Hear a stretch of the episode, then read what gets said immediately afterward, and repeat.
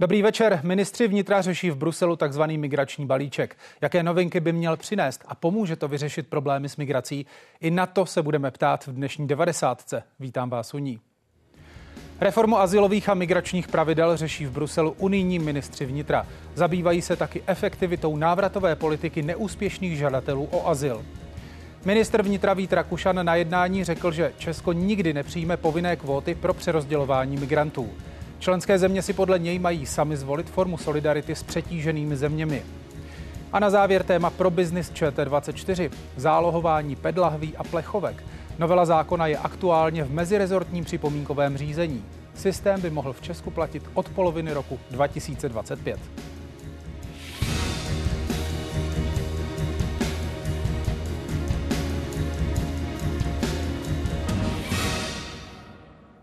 Změny v otázkách migrace začala Evropská unie řešit před sedmi lety. Některé už platí, o jiných se zatím stále jedná. Celý soubor chce Unie přijmout do dubna příštího roku. Tady jsou jeho základní obrysy. Nové řízení azylu a migrace má zjednodušit pravidla a zkrátit lhůty. Součástí má být povinnost požádat o azyl v první zemi Unie, kam migrant vstoupí. Má taky řešit nový mechanismus solidarity, a to buď přijetím uprchlíků, finančním příspěvkem nebo třeba vysláním policistů. Unie přijala také nová pravidla pro sběr záznamů o migrantech, včetně databáze otisku prstů. Systém mají pomoct zlepšit i nově vzniklá agentura pro otázky azylu nebo nová nařízení o prověřování uprchlíků, a to nejen jejich totožnosti, ale také třeba zdravotního stavu. Česko se dlouhodobě z unijních záměrů staví proti povinným kvótám na přerozdělování uprchlíků. My jako Česká republika dlouhodobě bojujeme napříč tím, jaká vláda zrovna vládne, proti povinným relokačním kvótám. Ty Česká republika nikdy neodsouhlasila, nikdy s nimi souhlasit ani nebude. To je dlouhodobá pozice, na té se i tady na bezpečnostním výboru shodneme asi úplně všichni. A pokud by Evropský parlament s něčím takovým přišel, tak prostě souhlasné stanovisko České republiky nebude moci přijít. Druhá věc, za kterou bojujeme také dlouhodobě, je zpřísněná hraniční procedura. Zrychlené návraty přímo od vnějších hranic Evropské unie zpátky do zemí původu nebo do třetích bezpečných zemí. Kdyby i tady parlament navrhoval nějak nějakou změnu, která by oslabovala eh, tuhletu návratovou proceduru, tak v té chvíli Česká republika prostě souhlasné stanovisko nikdy vyslovit nemůže. Právě v návratové politice není Unie příliš úspěšná. Tímto směrem také míří kritika českého ministra vnitra Víta Rakušana.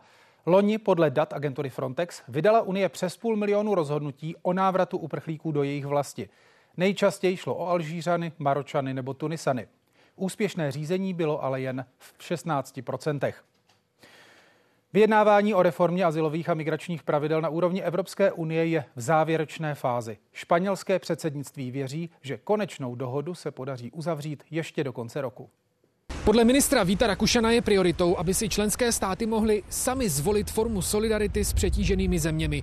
To nová pravidla obsahují. Budou moci poslat peníze, materiál i personál. V minulosti Česko nasadilo policisty třeba na hranici Maďarska a Srbska. S povinnými kvótami na přerozdělení migrantů asilová reforma nepočítá. A prvním hostem dnešní devadesátky je Věra Honusková, vedoucí Centra migračního a uprchlického práva z Katedry mezinárodního práva právnické fakulty Univerzity Karlovy. Dobrý večer vám přeju. Dobrý večer. Možná v obecné rovině často se mluví o migraci, o nelegální migraci. Tak prosím, koho české právo považuje za legálního a koho za nelegálního migranta? Mm-hmm. No, musím předeslat, že to téma migrace není černobílé a že budu nutně zjednodušovat, čímž teda i začnu, protože zjednodušeně řečeno legálním migrantem je ten, kdo má od státu souhlas na jeho území pobývat a tím nelegálním, neregulérním ten, kdo tento souhlas nemá. On ten souhlas může mít formu povolení k pobytu, může být eh, předběžný, jako je tomu uvíz, nebo může být dán obecně, například smlouvou o bezvízovém styku či jiným právním dokumentem. Třeba v EU máme volný pohyb osob, to jsou prostě typič, typičtí legální migranti. A pak za ty nelegální často vidíme osoby, které přicházejí bez víza, bez jakéhokoliv povolení, nelegálně překračují hranice. Jak je pohlíženo na člověka, který na naše území vstoupí nelegálně, ale požádá tady o azyl? Mm-hmm. No, ten člověk je v postavení žadatele o mezinárodní ochranu, to znamená, že je jako v určité prostě právně definované postavení, které je zákony prostě mm, nějak definováno, má právo na střechu nad hlavou, na jídlo, na zdravotní péče a podobně. Eh, ministerstvem vnitra je s ním vedeno řízení, ve kterém eh, stát zjišťuje, jestli tento člověk má důvody pro udělení ochrany, čili jestli se z toho žadatele stane člověkem, který požívá ochrany a ty důvody jsou totiž dost přesně specifikované, takže opravdu ten člověk musí nějak prokázat, nebo ten stát musí zjistit, zda opravdu je, řekněme, hodný ochrany, jestli je na místě ochranu eh, udělit. Jakým způsobem se tohle všechno zjišťuje? No, ty způsoby uh, zjišťuje.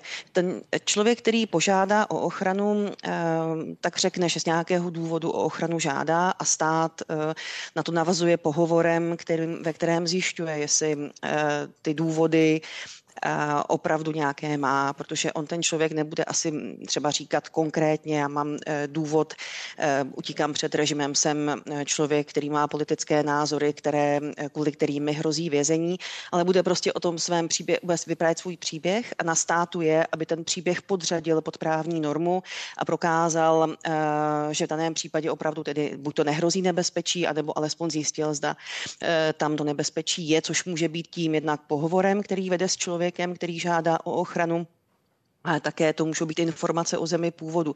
To znamená, pokud osoba tvrdí, že eh, byla na demonstraci, právě kvůli svým politickým názorům, které takto jako projevila, tak ten stát se může podívat, konala se taková demonstrace, eh, šla těmi místy, o kterých hovoří ten um, žadatel o mezinárodní ochranu nebo ne a podle toho vlastně vidí nebo no, vidí, jestli má nebo nemá eh, konkrétní důvod, jestli jako ho prokázal. Ono to, kdybych to řekla právně, to důkazní břemeno je na obou dvou, jak na státu, tak na tom žadateli o mezinárodní ochranu, ale eh, je to prostě nějaký proces, ve kterém se opravdu důkladně zjišťuje. To není tak, že každý získá ochranu, pokud o ní požádá. Je to prostě opravdu důkladný proces. Na jehož konci často bývá negativní rozhodnutí. Máme tady dotaz diváka, Pavel se ptá. Neuvažuje hmm. se o změně zákona u úmyslného, nezákonného, nepovoleného překročení státní hranice a to tak, aby se vždy jednalo o trestný čin, který následně vylučuje požádat v České republice o azyl a znamená to automatické navrácení do země, odkud překročil hranici.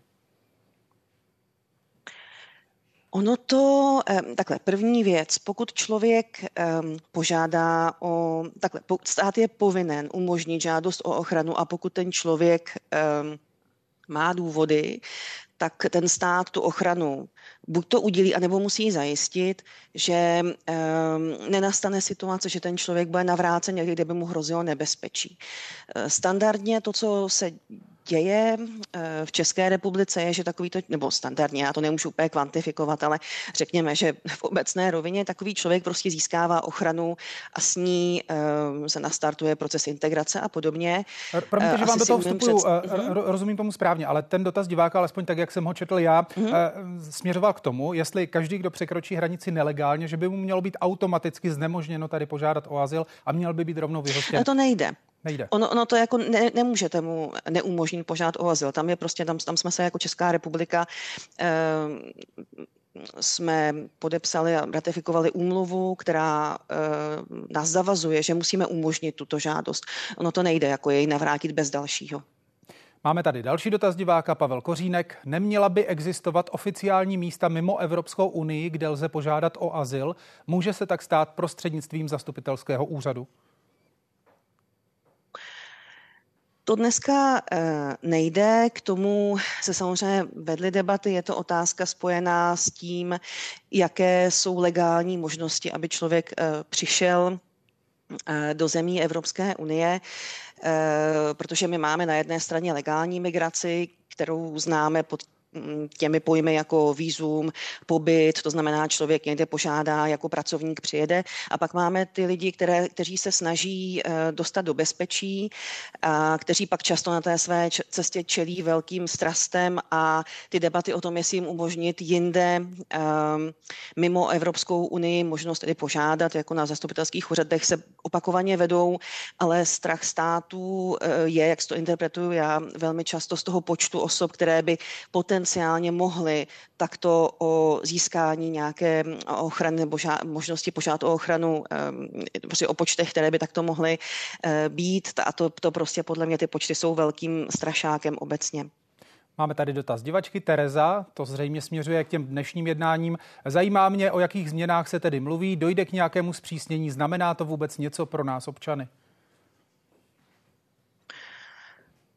Tohle je těžká otázka. Ona, um, ono se hovoří, třeba vy, když jste tam na začátku uh, uváděli, že by mělo se domluvit, eh, že, že bude jenom jeden, nebo že bude, že bude povinnost, aby eh, osoba požádala, aby člověk požádal v prvním státě, kam vejde do EU o mezinárodní ochranu, aby tam teda byl ten stát jako prvního vstupu, jako ten, který posuzuje eh, žádost o ochranu. Třeba tohle to už dneska existuje, to tam jako není něco nového. Existuje dublinské nařízení, které definuje, který stát je tím, kdo má, kdo má posuzovat žádost o mezinárodní ochranu nebo ten azyl.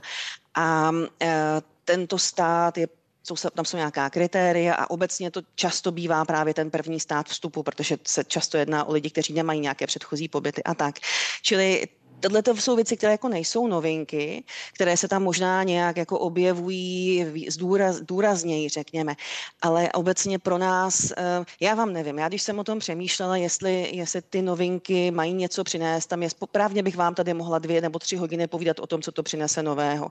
Já vidím trošku praktický problém v tom, že máme nějaký systém, který ty státy ne vždy dodržují, respektive často je nedodržují. Takže si vlastně nejsem jistá, jestli to, abychom něco dodržovali a ně, něco jako dokázali udělat, změníme prostě tím, že změníme zákony nebo že změníme teda právní předpisy a e, taky si myslím, že některé věci prostě nejsou řešitelné.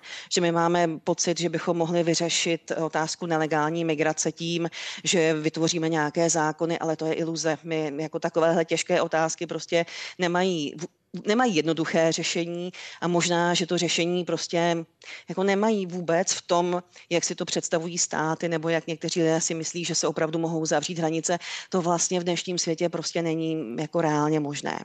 Tak uvidíme, jestli se to řešení opravdu podaří nebo nepodaří najít. Naším hostem byla Věra Honusková z právnické fakulty Univerzity Karlovy. Moc děkuji za váš komentář, hezký večer přeju. Děkuji, naschanou. Od ledna do října tohoto roku vzrostl počet odhalených neoprávněných překročení hranic Evropské unie zhruba na 331 600. To je asi o pětinu víc než za stejné období loňského roku a zároveň nejvíc za prvních 10 měsíců od roku 2015. Největší nárůst v počtu nelegálních přechodů zaznamenala agentura Frontex na západoafrické trase, kde se počet zachycených uprchlíků téměř zdvojnásobil na více než 27 700. To je nejvyšší celkový počet pro tuto trasu od roku 2009, kdy Frontex začal schromažďovat údaje. Vůbec nejvíc uprchlíků bylo zadrženo v centrálním středomoří, a to skoro 144 tisíc. Jejich počet tak meziročně vzrostl o 68%. Naopak zhruba o čtvrtinu klesl počet zadržených na takzvané balkánské trase. Víc než polovina zadržených migrantů putovala do Evropy po souši, 45% po vodě. Po pevnině migrovali nejčastěji Syřané, Afgánci nebo Turci. Po moři pak nejčastěji Egyptiané, Tunisané a také migranti z Bangladéše. Přidáme další úhel pohledu. Hostem 90 je Magda Faltová, ředitelka Združení pro integraci a migraci. Dobrý večer vám přeju. Dobrý večer. Tak já jsem tady říkal ta základní čísla. O čem podle vás vypovídají, jak a proč se mění ty trendy v migraci? Tak ty eh, cesty vlastně reagují na eh, situaci v těch jednotlivých státech, odkud tedy ti lidé odcházejí, ehm, utíkají. Eh, je to vlastně proměna nějakých konfliktů, ale i například ekonomické nebo environmentální situace. A, pak je to nějaká reakce na to, co se děje tedy v těch státech a na té trase, kterou, kterou přicházejí. Um, takže to může být eh, změna um, nějaké politické spolupráce třeba mezi Itálií nebo Libií, která částečně dočasně tu situaci promění. Velkým skokem bylo kdysi třeba uzavření uh, vlastně té dohody mezi Evropskou unii a Tureckem, ale potom postupně se ty trasy jakoby obnovují a nějakým způsobem um, ta migrace je víceméně uh, plynule přejde uh, zase někam jinam nebo zpátky. Ne? Čili pokud bychom začali v těch zemích původu, odkud migranti odcházejí, které jsou to nejčastěji teď, jak se to případně mění v těch posledních letech? Tak ehm, v té statistice zcela chybí Ukrajina, což je pro Evropu jako 4,2 milionů lidí, kteří přišli. Eh, a jsou to také uprchlíci, akorát mají trochu jiný status. um, a přicházejí za jiných podmínek, ale je to vlastně velké množství lidí, kteří, o které je potřeba, abychom se postarali. A v těch jakoby zdrojových zemích stále vysoko je velmi Sýrie, to je dlouhodobě, ta válka tam trvá už léta. Uh, Afghánistán samozřejmě po té, uh, po té, co došlo k opakované změně toho režimu, tak velké množství lidí odešlo uh, a stále odchází. Mm, a pak jsou to vlastně eh, ty různé lokálnější konflikty, které, které prostě mohou znamenat to, eh, že přijde více lidí, anebo třeba změna podmínek v Turecku, eh, kdy jsme viděli zase více Syřanů odcházejících do Řecka právě proto, že Turecko se pokouší vlastně nastavit nějakou poměrně striktní návratovou politiku. To mě právě zajímá, do jaké míry se mění nebo nemění ty samotné trasy, kterými se migranti do Evropy dostávají. Uh, mění a nemění. Uh, jako uh, dochází k určitému vývoji, ale nadále vlastně ta, to středozemní moře je tedy místem, odkud přichází, nebo který, je to cesta, kterou přichází poměrně velké množství lidí. Stejně tak vlastně přes Turecko, právě na řecké ostrovy. Balkánská trasa se um, trochu proměňuje, ale zase to, ta čísla oscilují podle toho, jak se tam nastavují ty kontroly na hranicích a jak jak je komplikovaná nebo není komplikovaná. Um, ono těch cest do té Evropy není tolik, takže se prostě využívají stále, stále ty stejné. Teď máme zimní počasí, má to vliv na to, jestli se migranti vydávají na cestu? Určitě v těch statistikách je to vidět. Uh, ta cesta je nebezpečná v zimě, takže dochází k poklesu listopad, prosinec, leden a vlastně potom od jara zase um, ten počet lidí začíná stoupat prostě proto, že to je možné ty hranice překročit. Řada migrantů při cestě do Evropy zemře. Proč právě Evropa je tak láká? A možná pod otázka, mm, sledujeme nebo můžeme sledovat nějakou migraci takto masivní do jiných částí světa? Určitě Evropa v tom není úplně samostatná. Eh, Spojené státy americké, eh, Kanada eh, jsou určitě země, kam přichází hodně lidí. Ehm, je to samozřejmě situace, kdy lidé přicházejí za tou naší svobodou, ochranou lidských práv, bezpečím a také za eh, nějakou ekonomickou příležitostí. Prostě jsou to lidé, kteří odcházejí často bez ničeho, bez jakéhokoliv majetku a hledají místa, kde budou moci přežít a, a kde mají šanci si ten svůj život vybudovat. Máme tady dotaz divačky. Majka se ptá. V Evropské unii je vesměs štědrý systém pomoci žadatelům o azyl. To se v zemích, odkud přicházejí, dobře ví. Když se podmínky zpřísní, ubude těch, co sem míří? Uh, Možná klidně se vyjádřete i k tomu, jestli opravdu tady je štědrý systém pomoci a jestli se to v těch zemích původu ví. Uh, myslím si, že okolo toho panují velké dezinformace, jak v zemích původu, tak potom uh, i v zemích tedy Evropské unie. Uh, ona ta podpora není tak štědrá um, a často ty podmínky žadatelů o azyl jsou poměrně komplikované. V mnoha zemích nemohou vůbec pracovat, v mnoha zemích ty dávky jsou poměrně nízké ale ta představa v zemích původu je často úplně jiná, než je ta realita. To je součást migrace. Um, ti lidé do těch komunit zpátky reportují trochu jinou situaci, než kterou opravdu zažívají. Uh, a zároveň se ale neukazuje, že by z dramatické zpřísnění té podpory znamenalo, že, že dojde k poklesu těch žádostí. Prostě proto, že ta příležitost, to znamená to očekávání, že ten člověk tady získá ten, tu ochranu, bude tady moci, moc žít, přivést si rodinu nebo tady je s rodinou v bezpečí uh, a v tom, že si ten život bude moci vybudovat, je mnohem větší lákadlo v úvozovkách nebo cíl, uh, než ta samotná podpora během toho řízení. Aktuálně evropské země, včetně Česka, tedy na hranici se Slovenskem, zavádějí kontroly. Podle premiéra jsou účinným nástrojem, který odrazuje pašeráky i nelegální migranty. Má pravdu? Opravdu je to tak? Já se domnívám, že to tak není a nemyslím si, že ta zkušenost to ukazuje. Um, pokud zpřísníme uh, tu, uh, ty kontroly na hranicích, dojde vlastně k tomu, že uh, ta cesta je komplikovanější, stojí to více peněz a za každého převaděče, kterého zadržíte, tam čeká i další x lidí, kteří do toho vstoupí. Samozřejmě je potřeba vystupovat proti trestné činnosti, ale eh, je to jenom nějaký prostředek, který eh, toho příliš mnoho neřeší a ehm, tím řešením je prostě hledání nějaké společné asilové migrační politiky na úrovni Evropské unie a také možná stanovení více racionálních cílů toho, že otevřeme legální cesty migrace a tím pádem uh, ti lidé nebudou muset podstupovat tu cestu, kterou podstupují a využívat ty převaděče. Rozumím. Čili jaká očekávání vy máte od toho takzvaného migračního balíčku, který se teď řeší na té evropské úrovni? Minulá hostkyně nebo host byla pesimistická poměrně, tak jak to vidíte vy, pomůže to vyřešit ty problémy s migrací, které máme? Ehm, já v to příliš nevěřím. Ehm, myslím si, že ta reforma nejde tím směrem, který eh, by mohl být ehm, nějakým způsobem pozitivnější, což jsou například ty legální cesty migrace. Zároveň jsme poměrně kritický například k tomu hraničnímu řízení, kde dochází k závažnému eh, pokusu o omezení práv těch lidí, třeba právo na právní pomoc a podobně. A zároveň tam nejsou vlastně ty nástroje konkrétní, které by to mohly dramaticky změnit. Ale co si myslím, že může být nějakým pozitivním krokem, je, že na tom bude panovat vlastně schoda. A ta od toho roku 2015-16 v těch otázkách e, migrace a azylu se nenacházela, tak pokud k ní teďko vlastně ty státy přistoupí, tak je to aspoň něco, na čem se dá budovat. Říká Magda Faltová, ředitelka Združení pro integraci a migraci. Děkuji, že jste přišla. Hezký večer vám přeju. Děkuji za pozvání. Na viděnou. Tématu migrace se dlouhodobě věnuje reportér České televize Richard Samko. Minulý týden sledoval situaci v Maďarsku. Tam se v Segedu u hranic se Srbskem sešli ministři vnitra zemí V4 i s kolegy z Rakouska a Německa. Schůzku svolal minister Rakušan do Segedu záměrně. S ostrahou tam pomáhá 40 českých policistů. Každodenní realita. Skupina migrantů se snaží pomocí žebříků překonat plot a dostat se ze Srbska do Maďarska.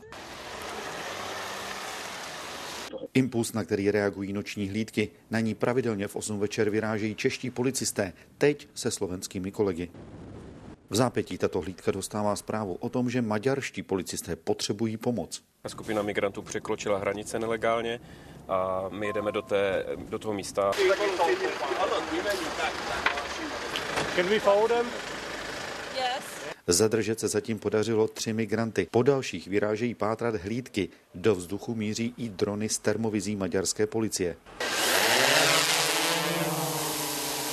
Policisté postupně prohledávají všechny křoviny. Další migranty se ale tady zatím najít nedaří.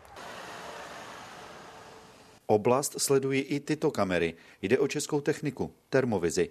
Přednedávnem právě tito policisté upozornili na jednu větší skupinu. Jedna hlídka se předsune, eh, tu skupinu si pustí za sebe a vlastně potom ten zákrok probíhá ze všech čtyř stran a dá se takhle efektně třeba ve čtyřech nebo v šesti lidech eh, zadržet skupina, která má 20-30 lidí. K orientaci ve tmě jednotlivcům pomáhají ruční dalekohledy s nočním viděním. Vy jste byl v tu chvíli tady? Ano, to jsem já, mám ruční kameru a dívám se, jak jdou přímo na mě. Potom se dostali na, tak na tři metry ke mně.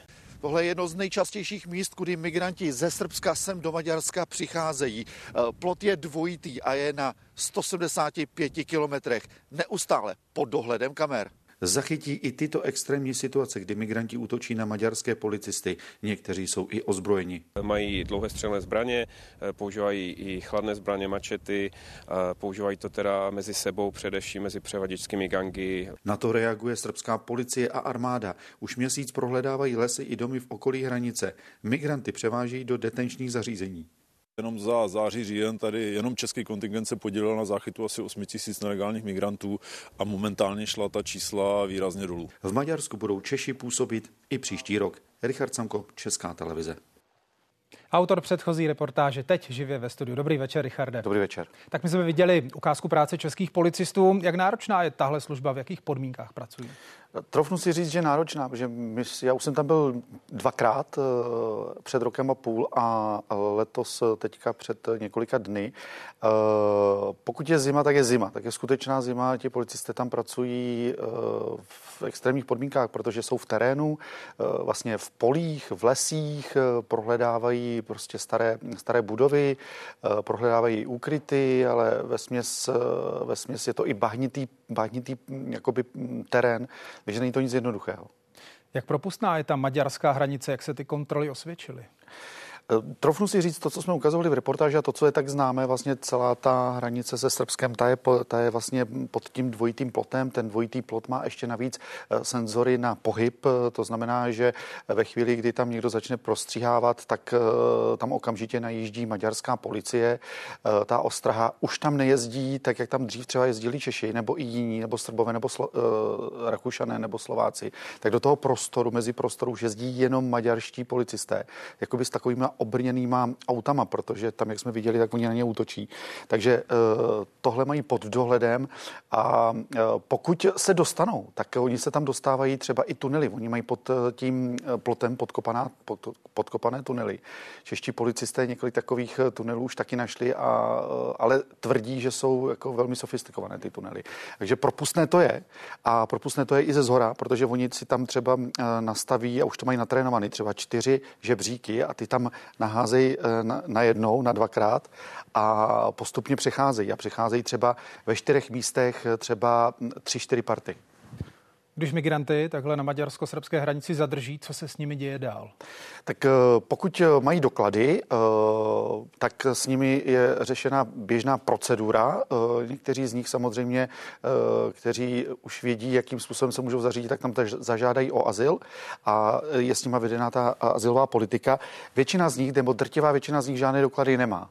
A maďarští policisté je odvážejí v vozovkách na čáru a vlastně pouštějí je zpátky do Srbska s tím, že nesplnili eh, podmínky pro vstup, to znamená neměli platné doklady, neměli výzum, eh, tak jak by to mělo být. Jak vstřícné je Srbsko při přebírání migrantů?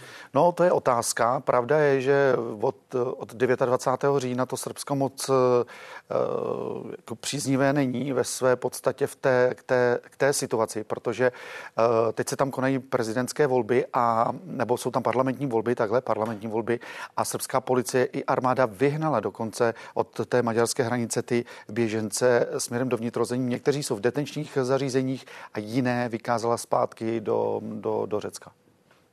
A záchyty migrantů natáčel Richard Samko i na Jižní Moravě. Toto je jeho reportáž z poloviny října. Je 7 hodin ráno a my se teď dostáváme na hraniční přechod Lánžot. Jedeme ze slovenské strany a právě teď tady vidíme jednu z prvních českých policejních hlídek. Eh, další jsou před námi právě teď. A kdyby někdo chtěl ujíždět, tak se za nimi vydají? Ano. Jo. A já teď vidím za námi, tamhle policisté někoho zastavili. Ano, to dodávka. Vypadá, že, že, že, že tam máme nějaký záchyt. Tak jdeme tam? Ano. Everybody from Syria, yeah? Syria. Syria. Syria. Syria. Syria. Where you need to go? Za cestu ze Srbska do Německa podle jejich tvrzení každý zaplatil 2000 eur. Skupina 41 lidí, včetně čtyř dětí a dvou žen, se tísnila v této dodávce bez oken. Odvedení do, na, na služebnu tady na hraničním přechodu na Lanžotě, udělá se nějaká osobní prohlídka eh, a odepře, odepře se jim vstup. Už jedou transportéry, takže postupně odvezeme na, na předání, na, na, na odepření vstupu na starého Ale ne všichni, jo? Family, family. Eight people. Míříme na Lanžot, stará cesta na hraniční, bývalý hraniční přechod, kde dojde k fyzickému odepření vstupu cizinců. Right now you are not allowed to be in Czech Republic because you have not a valid ID or passport. So right now you cross the bridge and go back to the Slovakia. Okay? Okay. Do you understand? Yes. Cross the bridge. In seven days I wait so if I can go to Germany. Don't have car. Be today car is coming and go be catch. Oni se spojí zase s, s lidma, kteří organizují ty cesty a, ten, a budou se pokoušet dostat určitě, určitě do, do té cílové země. Policejní hlídky tak zůstávají nejenom na silnicích, na těch hlavních tazích, ale na takzvanou zelenou. Vyráží policisté i na těchto čtyřkolkách. Musím projíždět tady tyto odbočky, tyto cesty prostě podél celých hranic.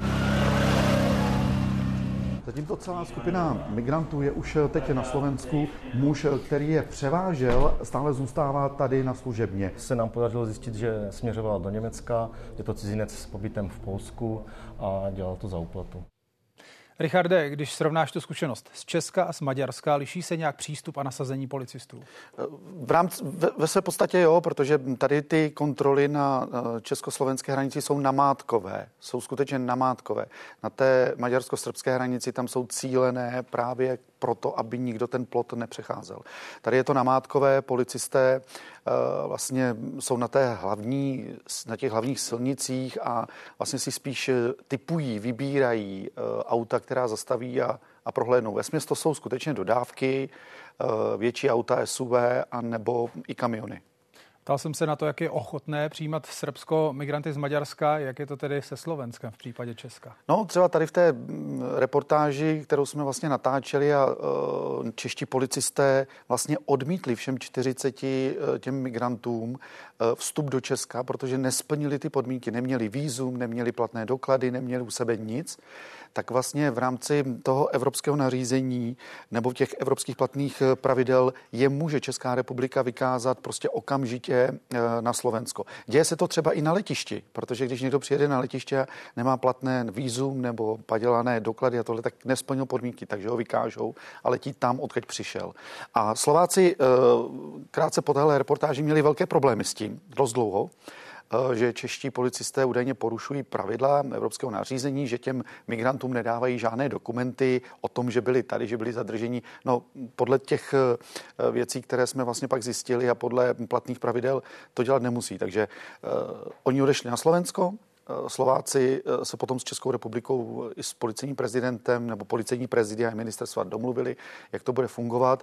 Takže se informují, samozřejmě pokud jde o readmise, to je to navracení, tak eh, to tam funguje. To vždycky přijede třeba slovenská policie na hranice, česká předá, přebere si slovenská a ti je buď převezou do nějakých táborů, protože kolem Bratislavy vznikly stanové městečko, kde tam ty migranty soustředí a tam pak s nimi řeší další, další tu proceduru. Nakolik se stává, že to migranti zkouší znovu? Že jednou jsou vráceni a zkouší to po druhé? No, to je několikrát. To se mi stalo už několikrát, nebo respektive všichni policisté, kteří byli v zahraničních misích, po případě i na hranicích, uh, buď s Rakouskem nebo s, se Slovenskem, protože ty mm, kontroly tam byly pravidelnější, tak se jim to stává. Je to třikrát, čtyřikrát. Do jaké míry to migranti zkoušejí sami na vlastní pěst, do jaké míry využívají pašeráky? Z těch zkušeností, jako které máme právě od policistů, tak eh, víceméně spíš eh, to zkouší pomocí těch pašeráků. Pravda je, že eh, třeba v tom Maďarsku, na té maďarské srbské hranici, se řada těch migrantů rekrutovala do pozice organizátora, který je převede. Jo, takže už tam vlastně vznikají i takovéhle, takovéhle vlastně skupiny, uskupení. Takže, ale většina z nich skutečně využívá ty, ty převaděče. Když se zaměříme na Českou republiku, z tvých zkušeností, jak často dochází k tomu okamžitému vracení migrantů a jak často se stává, že tady migranti požádají o azyl? No, t- vlastně od eh, znovu zavedených těch kontrol, eh, těch namátkových, tak je to v 90%, kdy skutečně jsou vraceni zpět eh, na to Slovensko. Takže když se na to podíváme, tak bylo tady zadržených, tuším, nebo respektive zaregistrovaných nějakých 12 transitních migrantů, takže drtivá většina z nich eh, podle těch informací, které má se vrátila zpátky na Slovensko. Otázka je, že se mohli několikrát vracet zpátky, takže to bylo jako bumerang. Nabízí se tedy otázka, jak se kontroly na hranicích osvědčily? Já myslím, že se osvědčují, protože eh, ten ten, když to řeknu hloupě, ten příliv nebo příchod těch migrantů je velmi omezený teď. Teď je skutečně téměř, téměř na nule. Eh, a všechno se to právě odvíjí od té srbsko-maďarské hranice, kde srbská policie i armáda skutečně jako razantním způsobem zasahují proti těm migrantům a ti už si teď hledají třeba jinou cestu. Mám zmínky o tom, že vlastně to zkouší přes Bosnu a Hercegovinu a přes Chorvatsko, eh, že už tam jsou nějaké zmínky. Ale vlastně ta balkánská cesta, Srbsko, Maďarsko, Slovensko, Česko, je skutečně velmi omezená. Ty záchyty tam jsou minimální. Česko spustilo v koordinaci s Polskem kontroly na hranicích se Slovenskem 4. října, původně to bylo na 10 mm-hmm. dní, teď už jsou prodloužené do 3. ledna. Dá se čekat, že k tomuto datu opravdu skončí a do jaké míry bude Česko při tom rozhodování koordinovat své postoje právě s dalšími zeměmi regionu? To byla právě taky jedna z věcí, která se řešila v Segedu, eh, když jsem tam natáčel, protože tam bylo zasedání vlastně ministrů Vyšegrádské čtyři, ministrů vnitra Vyšegrádské čtyřky a byla tam i mini, uh, rako, uh, rakouský ministr vnitra, i německá ministr vnitra a řešili tam právě právě tenhle, ten, tenhle koncept. Jakým způsobem ukončit a kdy a po případě pokud tak všichni a nebo jakým způsobem prostě k tomuhle mimořádnému opatření přistupovat. A to byla právě jedna z věcí, kterou chce i mm, český ministr vnitra Vít Rakušan koordinovat, s čím, čím tam jel a uh, říkal, že vlastně i do konce, srp, do konce prosince ještě se sejde pracovní skupina a nějakým způsobem těchto těch zemí se domluví, kdy a jakým způsobem to ukončí. Ale úplně to, to definitivní eh, stanovisko, kdy se to ukončí v Segetu, eh, nepadlo a tuším, že to nepadlo ještě ani dneska. Tak budeme to sledovat. Richard Samko, děkuji ti, hezký večer. Hezký večer. Podle dat Eurostatu do Evropy ročně přicházejí miliony migrantů. V roce 2021 jich vůbec nejvíc přibylo v Německu. Tehdy tam přišlo téměř 900 tisíc lidí. Následovalo Španělsko, Francie nebo Itálie, kde připadalo přibližně 5 migrantů na tisíc obyvatel. Problémy s migrací ale řeší i Velká Británie, kde situaci sleduje náš zpravodaj Lukáš Dolanský. Migrace tady ve Velké Británii je obrovským problémem. Já jenom dodám, že migrace konec konců bylo hlavním dominantním tématem Brexitu. Když přidám aktuální statistiky, eh, tak sem do Británie za poslední rok dorazilo 3 čtvrtě milionů lidí. Obrovské číslo. Vláda mluví o tom, že je potřeba toto číslo snížit. Tady ale potřeba říct, že většina z těchto lidí sem do Velké Británie dorazila legálně. Jsou to legální migranti. Jenom jedna desetina z nich jsou žadatelé o azyl, tedy nelegální migranti. I přesto 50 až 70 tisíc lidí je podle vlády obrovský problém. Jsou to lidé, kteří sem do Británie většinou eh, dorazí na těch malých eh, lodích. Británie se snaží toto číslo snížit několika způsoby, především i proto, protože to pro Velkou Británii znamená obrovské výdaje. Eh, denně vláda zaplatí 8 milionů liber na ubytování těchto lidí. To je v přepočtu více než 200 milionů korun denně. Tito lidé totiž velice často bydlí v hotelech. Vláda přišla s nápadem, že by právě tito nelegální nelegální migranti, azylanti eh, mohli být přesouváni do Rwandy, kde by měli čekat tedy na výsledek svého azylového řízení. Ovšem to byl moment, s kterým nesouhlasil soud, ovšem nikoliv nesouhlasil s tím, eh, že by se tito lidé nemohli přesouvat eh, do jiné země, ale nesouhlasil s tím, že by měli být přesouváni do Rwandy, protože podle soudu Rwanda není bezpečnou zemí. Vláda Rishiho Sunaka ovšem nicméně nevzdává tento svůj nápad, dál pracuje na tom, aby přijala třeba nějaký speciální zákon o Rwandě a v těch těchto dnech také ministr vnitra jedná s rvanskou vládou o tom, jak se vrátit k tomuto původnímu nápadu. A podíváme se i na to, jak vypadá situace v Německu. Mluvit o ní budu s Alešem Zápotockým, zpravodajem ČTK v zemi. Dobrý večer vám přeju. Dobrý večer z Berlína. Jak zásadním tématem je tedy v Německu migrace? Tak určitě trochu si říci, že společně s rozpočtovou krizí, která nyní hýbe Německem, patří k těm nejaktuálnějším a nejzásadnějším tématům. O tom, jak, jak zásadní téma to je, svědčí i četné debaty ve spolkovém sněmu, ale také rozhovory spolkových zemí mezi sebou a spolkových zemí se spolkovou vládou. A e, jak významné je migrace téma, ukázali i nedávné volby, zemské volby v Hesensku a v Bavorsku, kde eh, regionální témata zcela ustoupila migraci. A v Hesensku možná i kvůli tomu, že sociální demokraty vedla do voleb ministrině vnitra Nancy Fézerová, která v Německu za migraci odpovídá. Když už zmiňujete tyhle volby, co tedy ukázali spolkové vládě? Co voliči řekli? Eh, byla tam zcela jasná nespokojenost se současným postupem německé vlády, eh, sociálně demokratického kancléře Olafa Scholze. Eh, velký, velký nárůst popularity zaznamenala alternativa pro Německo, která se v Hesensku stala druhou nejsilnější stranou a v Bavorsku skončila těsně třetí. V Německu letos do konce října požádalo o azyl přes 267 tisíc lidí. Jak se daří o takové počty lidí postarat? Je, je, to velice, je to velice složité, protože e, německé regiony, které se, které se o migranty starají, e, neustá, si neustále stěžují na to, že jsou pod e, finančním i kapacitním tlakem.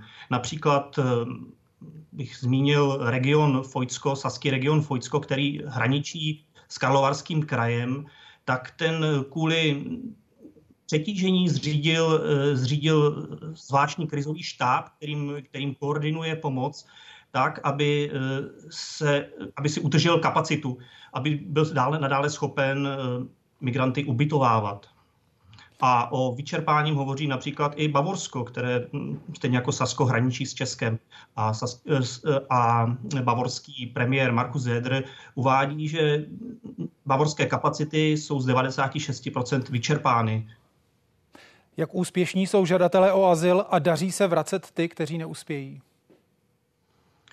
Tak eh, ta úspěšnost je samozřejmě nízká. Eh, já eh, jsem se podíval do statistik Spolkového úřadu, Spolkového statistického úřadu, ze kterých v posledních letech vyplývá, že počet odmítnutých uchazečů se pohybuje od 40 do 60% za letošní půl rok, je to okolo 50% A pokud jde o úspěšné deportace, tak za letošní pololetí jich bylo 7861 a e, to, že si toto číslo pamatuju, je, je kvůli tomu, že každá správná debata v parlamentu začíná tím, že opozice zmíní toto číslo jako, jako doklad neúspěchu e, spolkové vlády deportovat neúspěšné uchazeče.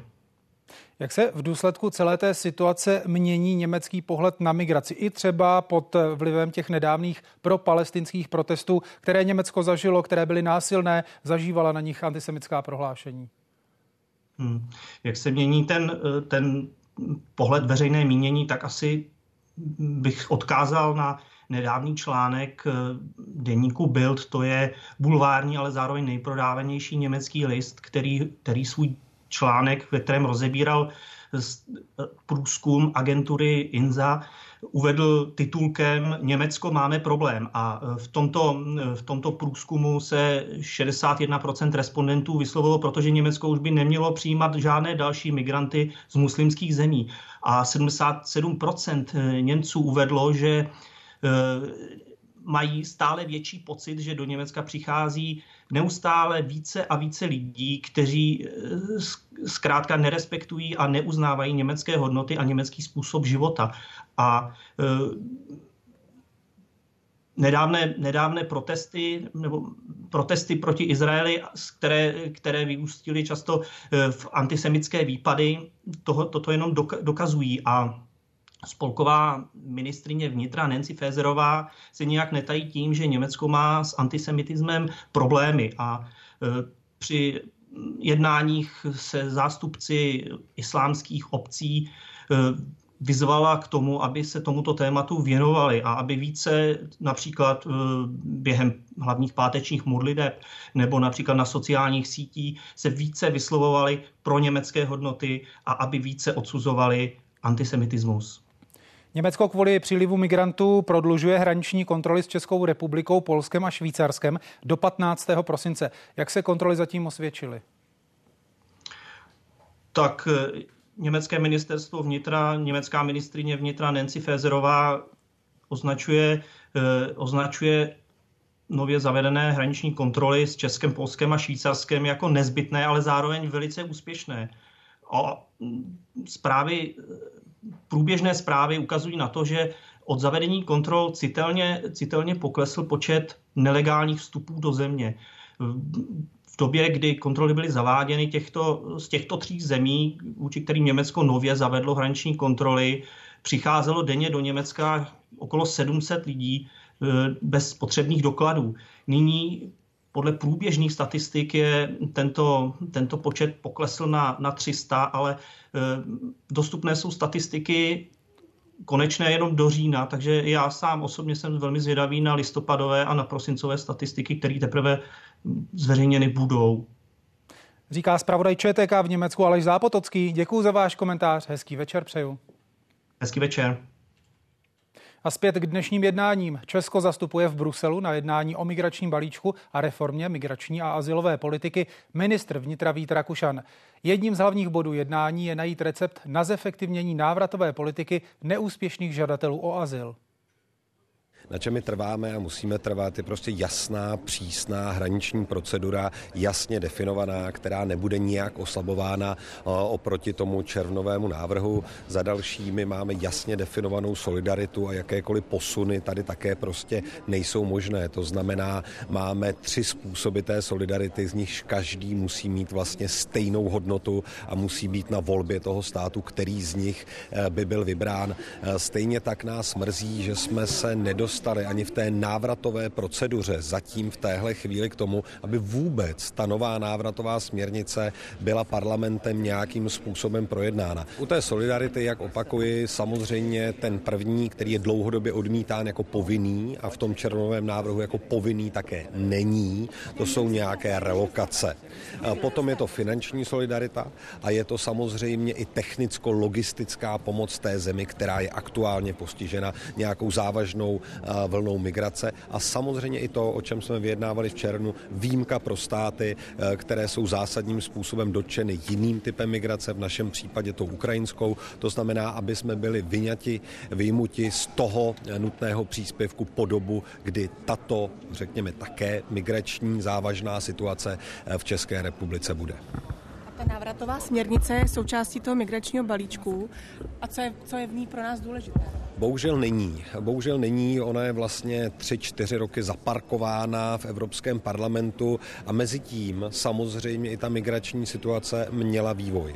A myslím si, že by bylo dobré se tady dívat i na nové koncepty toho, jakým způsobem návraty řešit, jak rychle vracet, bavit se o konceptech externalizace migrace, ale k tomu je potřeba ta první podmínka. To znamená mít nějakou základní evropskou schodu, nějaký základní evropský rámec, k tomu ten migrační pakt vede ale znovu říkám, to, co bylo v červnu, byl nějaký prvotní návrh, ten je teď projednáván v trialozích s Evropským parlamentem a ten výsledek je zatím dost nejasný. Podle informací od diplomatů už eh, parlament netrvá na těch povinných relokacích, těch povinných kvótách. Můžete tuto informaci potvrdit? Máte takové? Zatím ji nemám, ale že se snad nějaký kompromis může rýsovat tam je z našeho pohledu a tak já to říkám na všech jednáních. My jsme stanovili naším červnovým rozhodnutím České republiky červenou linii.